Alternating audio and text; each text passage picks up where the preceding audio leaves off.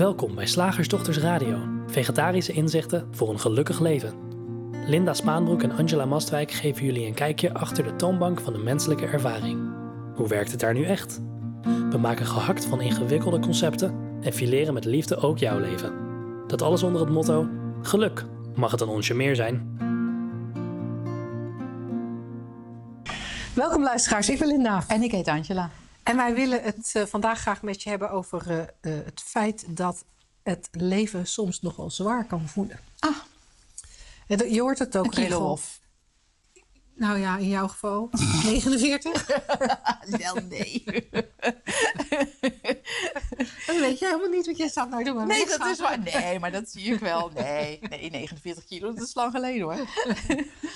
Nee, maar er wordt, er wordt regelmatig gezegd: uh, het, het, het, leven, het leven is zwaar. En het zou zomaar kunnen dat jij als luisteraar het leven soms ook, of misschien soms wel, zelfs heel vaak, als, uh, als best wel zwaar ervaart. Ja. Omdat er dingen tegen zitten, omdat de boel in de soep loopt, of ja, tussen aanhalingstekens gewoon omdat het in je hoofd allemaal vrij somber is. Dan heb je een zwaar hoofd. Ja, ja ik heb ja. er een zwaar hoofd in. Ja. ja. En, uh, en de titel van ons boek, hè, dat heet Het mag ook makkelijk, kan dan heel aantrekkelijk lijken als je in zo'n situatie zit.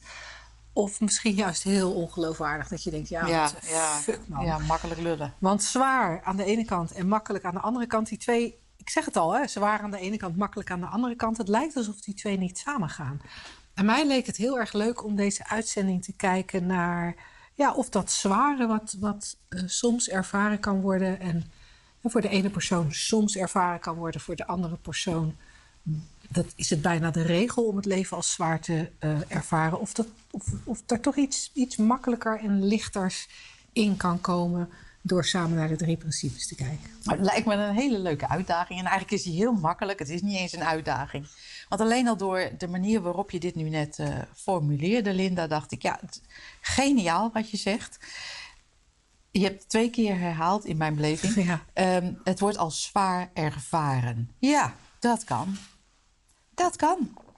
Dat kan. Het wordt als zwaar ervaren.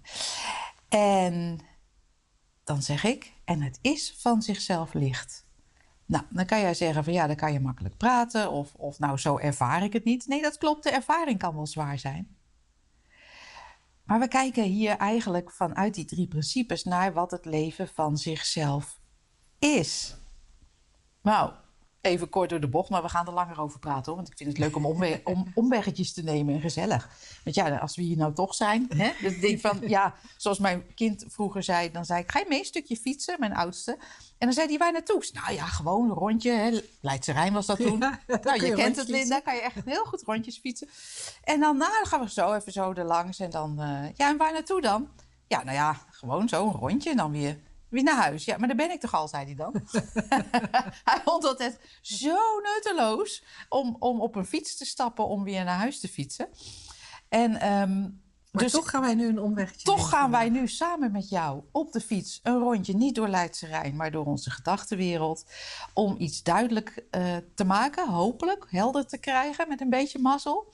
Uh, waarom het zwaar kan lijken. Zijn we met je eens, hè? Daar hoeven we niks aan af te doen. Sisters, brothers, we feel you. ja. En waarom dat van zichzelf niet zo is. Ja, en nou is natuurlijk het erg, hè? Ik bedoel, ik ken jou inmiddels al een tijdje langer. Maar op het moment dat je tegen iemand zegt... ja, I feel you, en je gaat heel erg hard lachen... dan zou het zomaar kunnen zijn dat iemand dat niet meer zo serieus neemt. Dat en, hoop ik. En dat, en dat uh, wil ik graag even toelichten. Oké, okay, nou ga jij even serieus doen. Ik wil het even toelichten. Want dat is een beetje een nadeel van, van lang, hè, over een langere periode praten over de drie principes en meer ja. en meer inzicht krijgen. Ja. Dat je van zoveel dingen gaat zien dat ze niet serieus zijn. Waardoor het heel makkelijk wordt om, om te lachen om dingen waar, nou ja, in ons geval 15 jaar geleden, 20 jaar geleden, ik weet niet precies hoe, hoe, hoe lang het voor jou is. Um, maar zouden we dat ook helemaal niet gekund, gekund hebben. hebben. Zouden we dat ook niet nee. als licht of als makkelijk hebben nee, gezien? Zelfs niet als dat, dat die optie er was. Nee. Want, want het leven zag er gewoon zwaar uit. Dus dit, dit even een beetje als disclaimer. Dat en, en misschien ook een beetje als verklaring hoe het komt dat wij kunnen gaan zitten lachen over iets wat voor jou misschien zwaar kut voelt. Om het even heel helder te zeggen. Ehm, en dat, dat snappen we echt. Tuurlijk. Tuurlijk. En die toch? menselijke ervaring die kan echt ontzettend zwaar voelen. En daar willen we Ja. niks aan afdoen, dat zei ik al. Ja. Want, want jeetje man, wat, wat er allemaal eh, schijnbaar kan gebeuren en voor kan vallen. En eh, wa- wa- wat je daarover denkt en hoe je je daarbij voelt. En heel ingewikkeld en heel zwaar kan dat zijn. Ja. ja. En, en ik wilde even stilstaan bij wat je, of opnieuw stilstaan bij wat je daar straks eh, al zei. Dat we, we hebben vaak het idee als mensen dat iets zo is. Ik ben somber. Of mijn leven is heel moeilijk. Of mijn eh, relatie is heel zwaar. En, en, en, en dat, dat voelt dan zo, en zo praten we er ook vaak over, alsof dat zo is. Het is een feit. Ja. En waar al een beetje van de, van de ruimte begint te komen als je gaat herkennen dat het een ervaring is. Niet een feit, maar een ervaring. En Angela probeerde daar net al hè, op, te, op te wijzen, voordat zij een lachen uitbarstte. En ik, en ik weet niet wat we kunnen zeggen om daar een beetje, om dat iets te verduidelijken. Dat het, dat het niet een feit is, Maar, zo ervaren wordt. Ja, en dan, en dan komen we misschien in, eh, dan vragen we je een beetje nieuwsgierigheid en openheid. Eh, of je dat Ja, gewoon om met ons mee te kijken. Ehm, ehm, ehm, en geduld te hebben. Met jezelf, ehm, met je ervaring en met het begrip van die drie principes en met ons. Ja en ik, ik, als ik je mag onderbreken. Ja. Ik, ik, ik, bedenk ineens wat, wat misschien een, een goede ingang is om het verschil te kunnen, kunnen gaan zien of te kunnen herkennen tussen het is zwaar of ik ervaar het als zwaar of ik voel het als zwaar. ja. Ehm, ik vond het toen ik net in de richting van de drie principes keek zeer behulpzaam om vooral eh, andere mensen te observeren. Ja. En dan bijvoorbeeld een van de kinderen te zien, die, die, dan- dan, dan, was er iets gebeurd.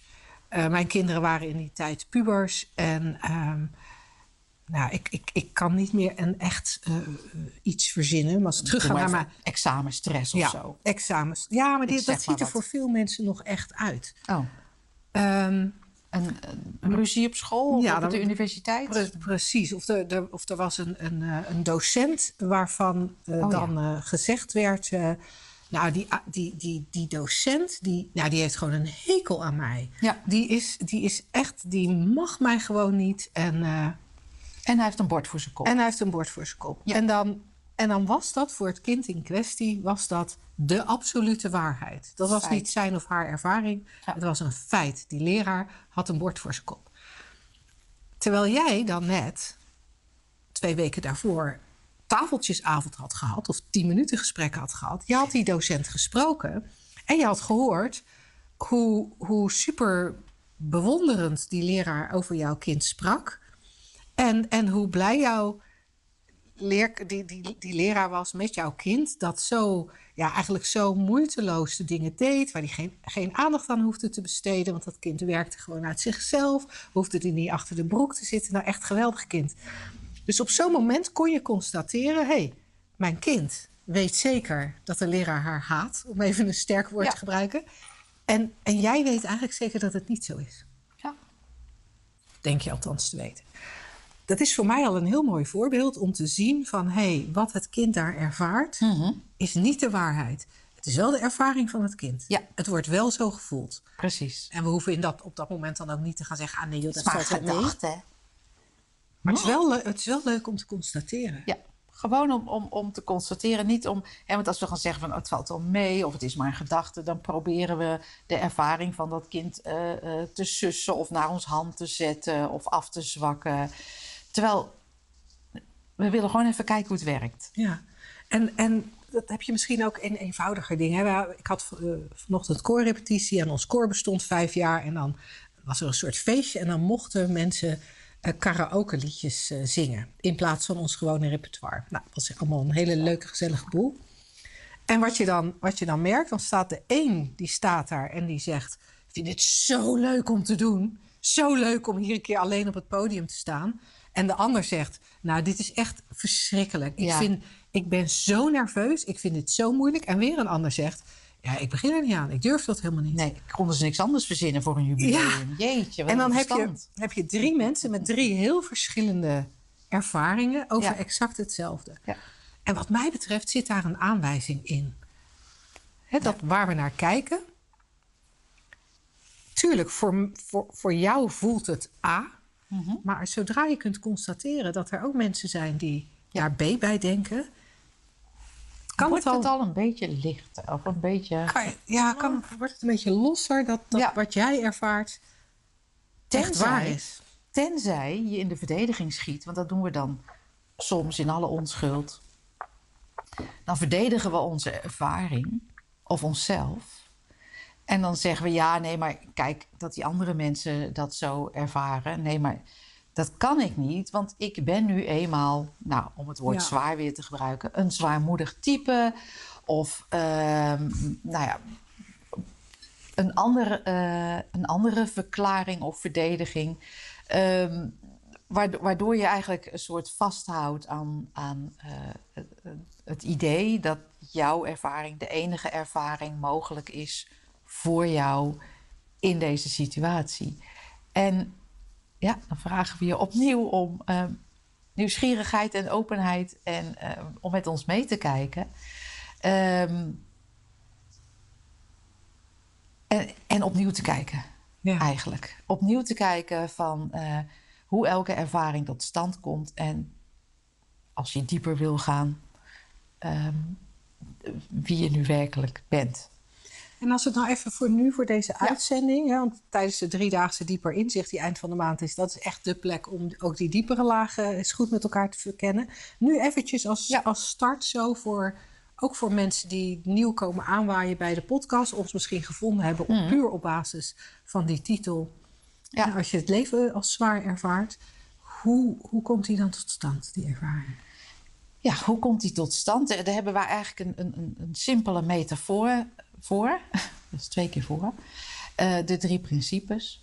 Ehm, mind, consciousness en thought. Maar dat zijn voor ons misschien een beetje, of voor jou als luisteraar, een beetje vage termen. Dus ik ga ze even simpel vertalen als drie feiten die ten grondslag liggen aan elke ervaring. Die in een combinatie, in combinatie elke ervaring behelzen. En die drie principes zou je kunnen zeggen als het feit dat je leeft, levensenergie, dat is het eerste principe. Het feit dat er bewustzijn is, hè, dat, dat is ook nodig voor de ervaring. En het derde principe, hè, dus altijd die drie componenten zou je kunnen zeggen, eh, maken onderdeel uit van de ervaring. Niets meer, maar ook niets minder. En dat derde principe is denken. En verwar dat niet met je gedachten. Ik zeg dan, ehm, zou liever zeggen, denken is het feit dat er een creatie is. Dus even een, een, voorbeeld. Ehm, je zegt, ik heb een zwaar leven gezien het feit dat ik ehm, een kind met problemen heb. Dat is even. Dan is dat die zwaarte, die ervaring bestaat uit het feit dat je leeft, het feit dat je bewust bent en het feit dat daarin de creatie is ontstaan. Het is zwaar. En dat daarin de creatie is ontstaan, dit kind is anders dan andere kinderen. Ja, drie je- componenten, ja. drie feiten zou je kunnen zeggen. Daar bestaat elke ervaring uit. En ja, dan is het een kwestie van, van, van kijken, van nieuwsgierig worden. Als je het makkelijker wil, hè? Ja, Ik bedoel, Ja. het, ho- het, het hoeft van ons niet. Maar als je het makkelijker wil, dan kan je daar nieuwsgierig voor worden. Kan je vragen gaan stellen. Ja, en wat, wat, Ja. wat ik nog heel even wilde zeggen voordat Ja. we naar die vragen gaan, is dat met het voorbeeld wat je net noemde over een kind met problemen. Ja. Wat ik interessant vind om eh, als je even gaat inzoomen op dat wat gecreëerd wordt of het denken eh, en, en dan ga ik toch heel even de gedachten eh, iets meer in. Ja. De gedachten die er zijn rondom een kind met problemen. Ja. Want we, we, we zijn vaak oppervlakkig gezien geneigd van- om te zeggen: dit kind heeft problemen. is toch een feit? Dat is een feit. Hè, misschien eh, ehm, is je kind staat op het punt om voor de derde keer te blijven zitten. En moet het van school af en, en kan het geen diploma halen. Of misschien heb je een kind dat eh, aan automutilatie doet. En, en, en je kijkt daarnaar en dat is een probleem. En dan kunnen die slagersdochters wel zeggen Ja. dat je dat. Dan, dan, dan, dan zou je zomaar kunnen horen dat wij zeggen: ja, daar moet je anders naar kijken. Maar dat zeggen we niet. Laatst was er ook iemand die reageerde op een video van ons eh, online. Ja, dat is gewoon omdenken. Nee, dat is het niet. Wat wij eigenlijk vragen is: als je die situatie hebt. eh, eh, de- en laten we even doen het kind met dat, dat zich automutileert. Kan je herkennen dat dat niet één gedachte is, maar dat het een, ja, een, een, een, een, hele kluwe van gedachten is? Want er is, er is eh, ongetwijfeld, en ik weet natuurlijk niet het exacte denken wat, wat iemand in deze situatie zal hebben, maar er zijn gedachten als: eh, dit mag niet, dit is gevaarlijk. Als het kind hiermee doorgaat, eh, eh, maakt het zichzelf misschien wel dood. Wat erg, dit kind heeft de rest van zijn leven littekens. Wat heb ik als ouder fout gedaan? Wat moet ik als ouder anders doen? Is er dan niemand die ons kan helpen? Is dit de maatschappij waardoor dit op deze manier gebeurt? Mijn kind zou eigenlijk misschien ergens anders moeten wonen, naar een andere school moeten gaan, anders begeleid moeten worden. Eh, komt het door de relatie die ik met mijn partner heb, dat wij misschien het slechte voorbeeld geven? Hebben wij te veel druk op ons kind gelegd? Zou dit kind niet gewoon hiermee kunnen stoppen? Moeten we de scheermesje. Nou, ik kan nog even Eindeloos. doorgaan. Maar je hoort dat, dat dat wat als een probleem ervaren wordt, is niet één gedachte. Het is, het, het is een kluwe aan gedachten die naar het verleden gaan. Die, die, wat er allemaal gebeurd is in het leven van het kind. Die naar de toekomst gaan. Wat er mogelijk nog meer in het leven van het kind gaat gebeuren. Angstscenario's, angstscenario's over hoe het fout zal gaan met dit kind. Maar ook allerlei gedachten over schuldgevoel. Misschien verwijt naar andere mensen toe die ook in contact geweest zijn met het eh, kind. En ook als het gaat over schuldgevoel en verwijt, of het nou zelf verwijt is of naar een ander, eh, zijn daar heel vaak gedachten naar het verleden toe, maar ook gedachten naar de toekomst toe. Het verleden van wat, wat ik of die ander fout heeft gedaan eh, en naar de toekomst. Ja, als, als die ander zijn gedrag niet verandert of als ik mijn gedrag niet verander, dan. En heb ik dan straks, als ze volwassen zijn, nog wel een relatie met mijn kind, bla bla bla. En en kan je daarin herkennen wat een ontploffing dat is? Ik vergelijk het wel eens met vuurwerk. Ja. Als je met oud en nieuw zo... al dat Ja. licht wat de lucht ingeschoten wordt. Al dat siervuurwerk, al die vonkjes. Maar stel je nou toch voor dat rondom iets wat jij als zwaar ervaart... is er net zoveel denken als dat er vonkjes zijn op oudejaarsavond. Nou, geen wonder dat dat slecht voelt. Want Ja. elk van die vonkjes, hè, dat bewustzijn maakt ook dat we die vonkjes voelen, als het ware. Ehm, zoals we de metafoor een beetje doortrekken, als die vonkjes warm zijn, het bewustzijn zorgt ervoor dat we echt de hitte van elk vonkje voelen. Nou, dat voelt Ja. waardeloos. Ja. Dat brandt en dat Ja. is, is op zich ook alweer eng. En dat is waar je mee te maken hebt als je een situatie als zwaar ervaart. Heel veel verschillende gedachten, heel veel verschillend denken, heel veel creaties, zoals jij het net noemde. Ja, absoluut. En dat je, je, je bewust worden of herkennen dat het zo werkt, ehm, dat kan bijwerkingen hebben, implicaties. Dus er, zit hier, er is hier niets te doen van, oh, ik moet anders denken. Hè? Het is Nee. inderdaad geen omdenken. Of ik zou dit niet mogen denken. Nee, want je, ja, Je kan denkt het al. je denkt het al, je bent te laat. Het is, eh, geeft niks. Ehm, maar gewoon herkennen van, oh, maar dat is wat zo zwaar voelt. Dat is wat zo zwaar voelt. Dat is wat het, de ervaring zwaar maakt. En soms kan je dan ook ineens gaan herkennen hoeveel gedachten het daadwerkelijk zijn in jouw situatie. Man, terwijl ik net naar je luisterde, dacht ik: oh, dit is niet, eens ehm, ehm, mooi siervuurwerk. Ik dacht, wat jij beschrijft, is een hele constellatie. En ik zag echt zo'n sterrenstelsel vormen. Nou, we kunnen niet eens de sterren binnen eh, de sterren tellen binnen ons sterrenstelsel of zonnestelsel of hoe je het ook wil noemen. Uh, een hele constellatie is het. Man, dat is niet te doen. En als je dan uh, de opdracht krijgt om daar iets anders van te maken, ja, waar begin je? Ja. Waar begin je in zo'n enorme, hè, zo dat vuurwerk of die enorme uh, constellatie? Waar, waar begin je? Nou, en dan vind ik die vergelijking met, uh, met uh, ons zonnestelsel wel heel mooi. Want alles draait bij ons uh, in ons zonnestelsel. Dus het is een metafoor hè, om een, een enorm krachtig licht, namelijk de zon.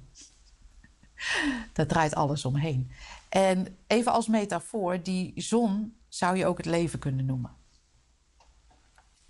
En dat is eigenlijk wat je in wezen bent. Ja, en dat vind ik wel leuk dat je het zegt, want er is wel een verschil tussen alles draait om mij, hè? ik en mijn verhaal, ik, ik, en mijn zware leven. Ja. Maar waar Angela naar verwijst, is die levenskracht die we allemaal zijn. En, en, en dat wordt in sommige stromingen natuurlijk ook het licht genoemd. Ja, precies. Ik vind het een mooie vergelijking, omdat uh, er daadwerkelijk niets kan leven zonder de zon. Als, als de aarde iets verder van de zon vandaan zou zijn, bevriezen we allemaal. Zou die er iets dichterbij staan, smelten we geheid. Maar het, en tegelijkertijd is het, bestaat alle leven dankzij, dankzij die, die zon. En alle leven bestaat dankzij levensenergie. Ja. En, en dat is wat je in wezen bent. En inderdaad, uh, Linda, dan ga je ook gelijk een stapje dieper. Als je zegt, uh, ja, ik en uh, mijn levensverhaal of omstandigheid, dat is al een, een, constellatie, dat is al een gedachteconstructie of dat is al een ervaring. Ja, ja ik moet dan ook zeggen, dat is al de grote beer, weet je wel? Dan, dat, dat, dat, zware leven, ja, dat is die grote beer. Dat zijn die verschillende sterren die we kunnen herkennen, die samen een beeld vormen. Ja. En, en, en, en dat vind ik echt wel een coole metafoor. We hebben hem nog nooit zo gebruikt. Maar om een zwaar probleem te hebben, uh, heb je een, een, constellatie aan geloofde gedachten nodig. Ja.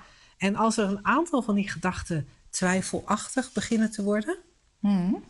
ze hoeven niet eens. Dan heb je een vallende ster. Dan heb je een vallende ster, maar dan valt wel ook je hele. Dan, dan is de grote beer de grote beer niet meer. Nee. Als daar een ster uit wegvalt. en sterker nog, heel veel sterren die we zien, is het verhaal, even binnen deze metafoor. Die zien wij wel, maar die zijn al lang uitgedoofd. Want wij zien het verleden natuurlijk, hè, als je de, de, het heelal inkijkt. Dat is, in natuurkundige termen is dat al zo.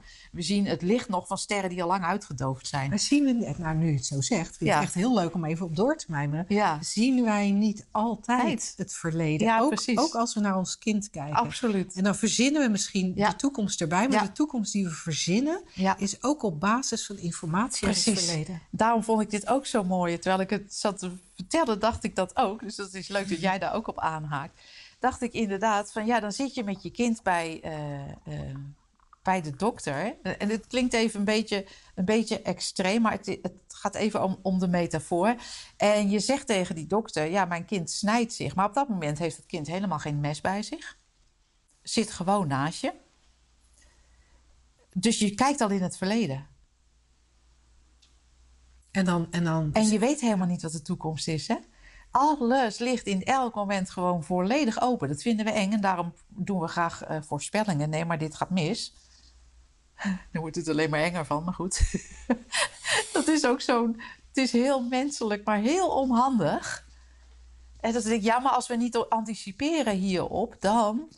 Nee, maar je zit in het verleden, lieverd. En dat projecteer je in de toekomst.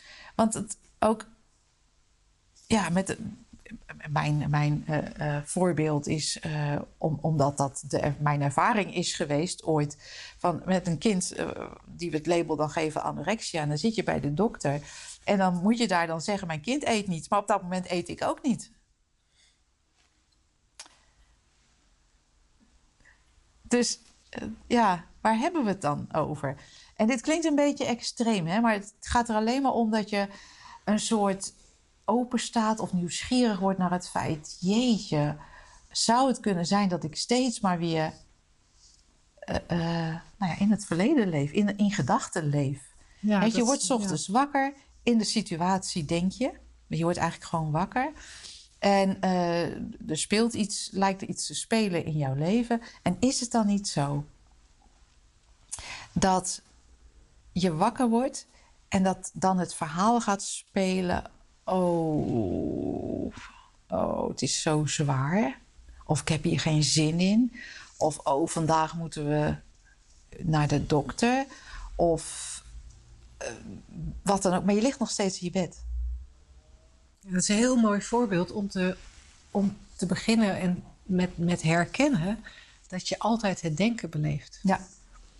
En uh, nou ja, daar, daar is nog superveel over te zeggen. Ja, en dat, ja, er is superveel over te zeggen. En Ja. als je het echt gaat herkennen en echt, echt realiseert hoe het werkt, aan de ene kant met die drie principes, en aan de andere kant, driedaagse dieper inzicht, wat je in wezen bent, dan kan er ook heel veel van dat denken gewoon, omdat het zo onlogisch is hoe we leven, zo onlogisch, ehm, dan, dan kan er ook zomaar als bijwerking eh, heel veel van die gedachten eh, wegvallen over verleden en toekomst. En daar ben je dan hier. Je bent altijd hier en daar ben je dan nu en je bent altijd nu.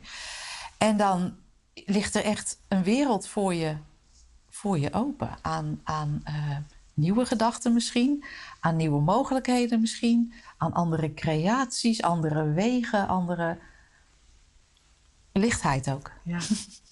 En als die driedaagse nou nog een beetje te ver van je bedshow is, ehm, omdat, omdat dit waar we het nu vandaag over hebben gehad, eigenlijk iets is waar je nog van alles in te zien hebt en in zou willen ontdekken, eh, dan kan ik, kunnen wij je aanraden om naar een shiftdag te komen. We hebben er binnenkort eentje met de, het thema burn-out, angst en depressie. Specifiek voor wat we de wat zwaardere problemen noemen. Eh, maar je zult merken als je naar zo'n dag komt, dat eigenlijk alles, eh, voor, voor alle vragen is ruimte. En uiteindelijk komt het steeds weer terug bij hetzelfde. Hè? Steeds weer terug bij hoe werken die drie principes, hoe creëren ze onze ervaring. Ja. Ehm, en daar ben je ook eh, van harte welkom. ja, het is de ultieme oplossing, durf ik echt gewoon te zeggen. Ja, Maar, en dat bedoel ik heel letterlijk. ja. Ja. www.shiftacademy.nl vind je alle, alle dagen en driedaagse die er binnenkort zijn. Zeg, slagersdochters, hoe bak ik die vega-burger? Over naar de luisteraarsvraag. We hebben een vraag van Harriette en Harriette heeft hem gestuurd naar vragen.slagersdochters.nl. Waar ook jouw vragen welkom zijn. Ik ga eh, acuut zo als een weet ik veel praten. Wij kunnen ook commercials gaan inspreken. Ja. Oh ja, dat leek mij ook leuk om een stem te worden. Ja. Ja, lijkt mij echt heel leuk. Lijkt mij ook leuk. Ehm, Harriette schrijft: Sinds kort luister ik jullie podcast en ik heb een korte vraag. Hoe werkt even afstand nemen precies? Maar het grappige is, de vraag is wel kort, maar de toelichting niet. maar die ga ik er toch even bij eh, Ja. geven, want dat is wel. Entertainers. ja, dat is wel leuk.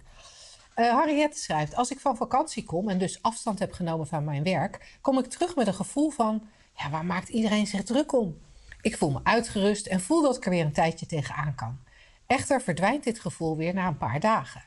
Hetzelfde ervaar ik op andere plekken, bijvoorbeeld een sportclubje of een familiefeest.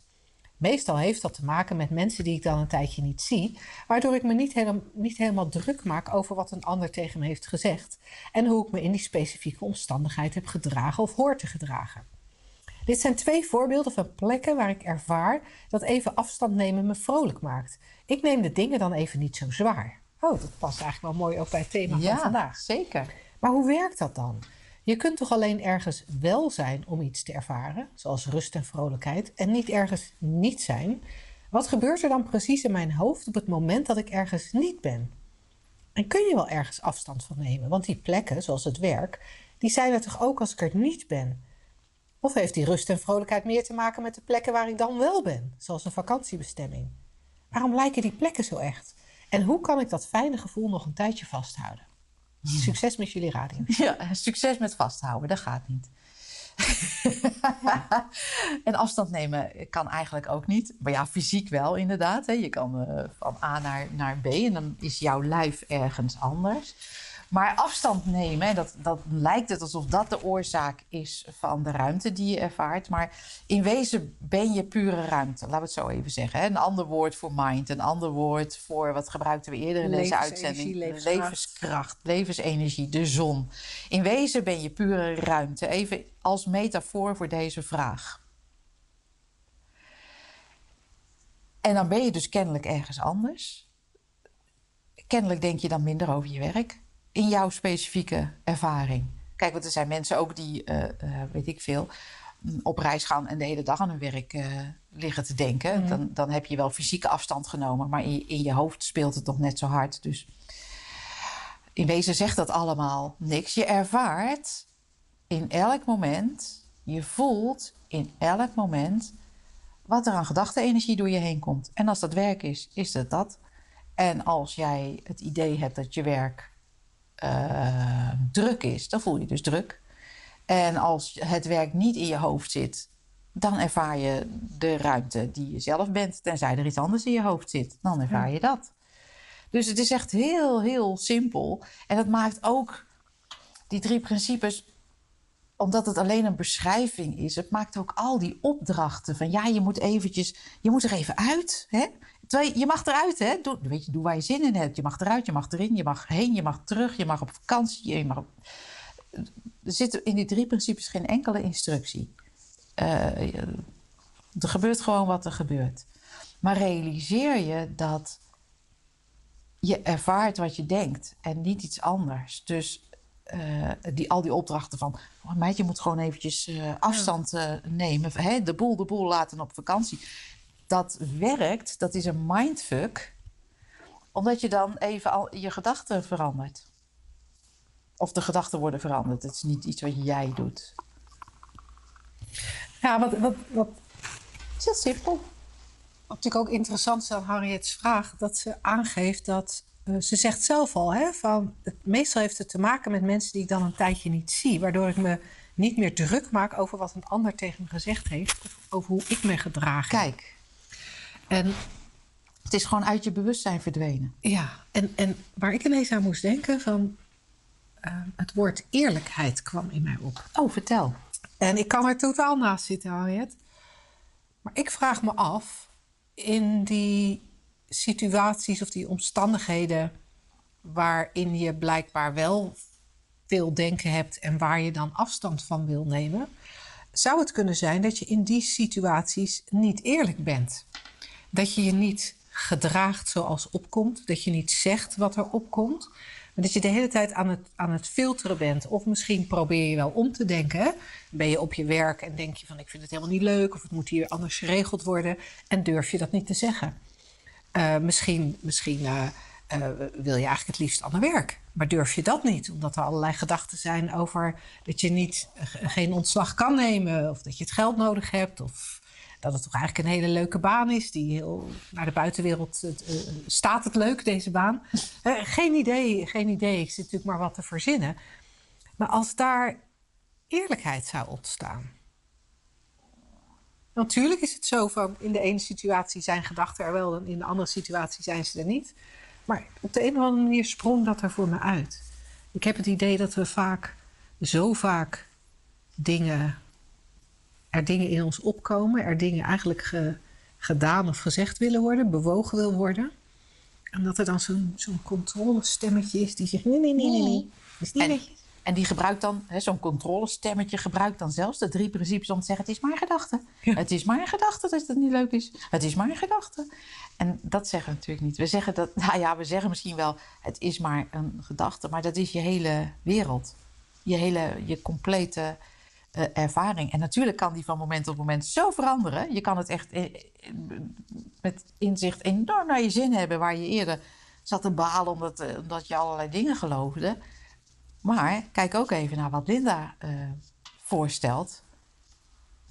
Misschien is de impuls om weg te gaan er al lang en volg je die niet. Wij zijn benieuwd, Henriette. Ja, en ik kan me voorstellen dat er vervolgvragen zijn. Ja, want misschien zijn we helemaal de verkeerde kant op gemijmerd. Uh, voor jou de verkeerde kant. Uh, dat kan altijd gebeuren. En uh, mail gerust nogmaals met een vervolgvraag of een verdiepende vraag. Dat eh, kan allemaal. Wij gaan er heel graag in een volgende uitzending op door. En voor al onze andere luisteraars, voor jou natuurlijk ook, hè? Want Harriette's vraag was de laatste op ons lijstje. Aha. Dus voor volgende week ja. kunnen we heel goed nog een nieuwe vraag gebruiken. Woensdag, gehaktdag. Zeg slagersdochters, welk concept gaat er vandaag door de molen? Het concept van vandaag is van onze favoriete conceptenaanleveraar Rob. En hij kwam met het concept je kop in het zand steken. En ik vond het wel grappig, want er was laatst ook iemand tegen mij. Ja, maar is dat dan niet dat jij gewoon eigenlijk niet wil zien wat er echt aan de hand is? Oh, wat of wil jij, niet, wil jij niet voelen wat er echt gevoeld wil worden? Oh ja. Ja. En dat is blijkbaar de toelichting op je kop in het zand steken. Ja, ja. Ik dacht weer terug aan uh, wat, wat uh, um, een, een, kinderpsychiater ooit tegen mij zei: van uh, nee, nee maar, nee, maar u en uw zoon moeten echt, echt zien dat hij heel erg ziek is. Ik dacht ook dat ik mijn kop in het zand stak. Ja. Nou ja, ik zag een, een kind wat een heel laag gewicht had. Dus dat was, uh, nee, dat was wel helder. Ja. Verder alle verhalen eromheen. ja. Dat dat een ziekte, uh, nou ja, dat, dat er gerealiseerd moest, moest worden dat dat een ziekte is. Dat dat, dat, dat uh, heel belangrijk was. Dat er een oorzaak gevonden moest worden. Dat er in het verleden gevroed moest worden. Dat, er, dat het opgelost moest worden. Dat het gedrag gekanaliseerd moest worden. Of, of gestopt moest worden. Of ander gedrag gestimuleerd moest worden. Of... Uh, dat was uh, in de ogen van deze kinderpsychiater uh, belangrijk. En omdat ik dat allemaal niet deed, stak ik mijn kop in het zand. En, en het is grappig, want ik dacht, ja, maar zien wat er aan de hand is, is er is hier een kind wat heel mager is. Ja. Dat zie ik. Ja, en dat vind ik ook Punt. leuk van het voorbeeld dat je geeft. Dat bij je kop in het zand steken, daar, daar, daar moeten veel gedachten zijn. Hè? Eigenlijk waar we ah. bij het thema van deze radio-uitzending ook al naar keken. Daar moet eigenlijk als een heel sterrenstelsel zijn, zo'n hele constellatie van gedachten waarom dit probleem erg, zou, erg is. Mhm. En waarom, als je er niet acuut iets aan doet, of niet aan doet wat een ander vindt, wat een ander zou denkt dat je eraan moet doen. Ja. Ook weer denken. Ja. Dan dat je, dat je dan je kop in het zand steekt. Want ik heb echt nog nooit iemand horen zeggen: Nou ja, er lag daar dus iemand op straat met een slagadelijke bloeding. En uh, nou, alle mensen die ernaast stonden, stonden, die staken gewoon hun kop in het zand. Want als er echt iets aan de hand is, dan handelen we. Tuurlijk. Dan handelen we. Ja.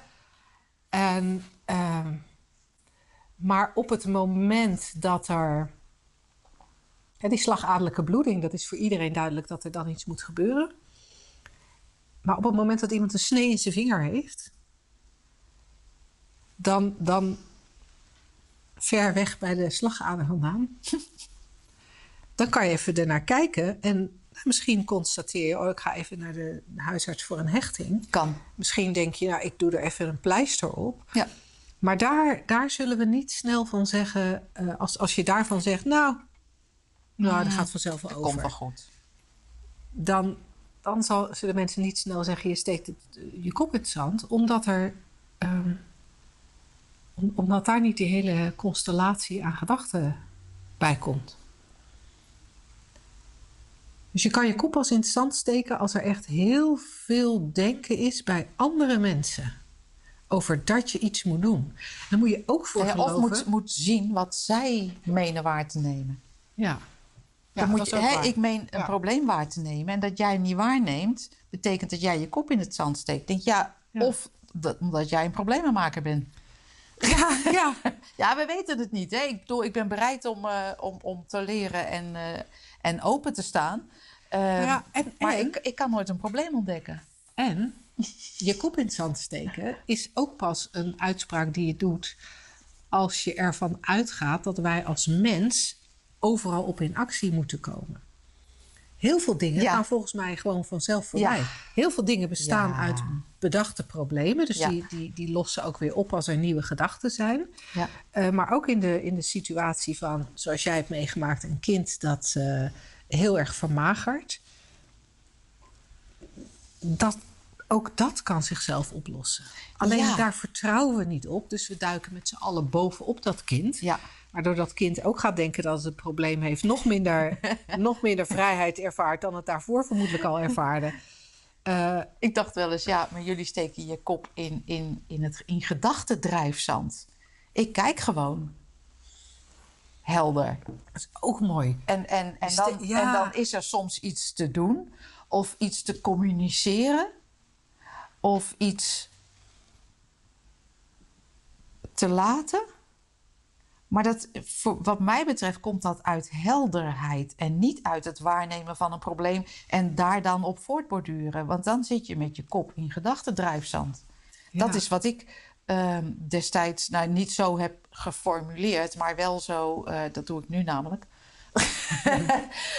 maar ik dacht, ja, maar we hoeven alleen maar gewoon uit helderheid te kijken. En soms was ik niet helder, nou dan kon ik beter eh, ehm, ehm, even bij dit kind uit de buurt blijven. Want dan was ik zeker niet behulpzaam.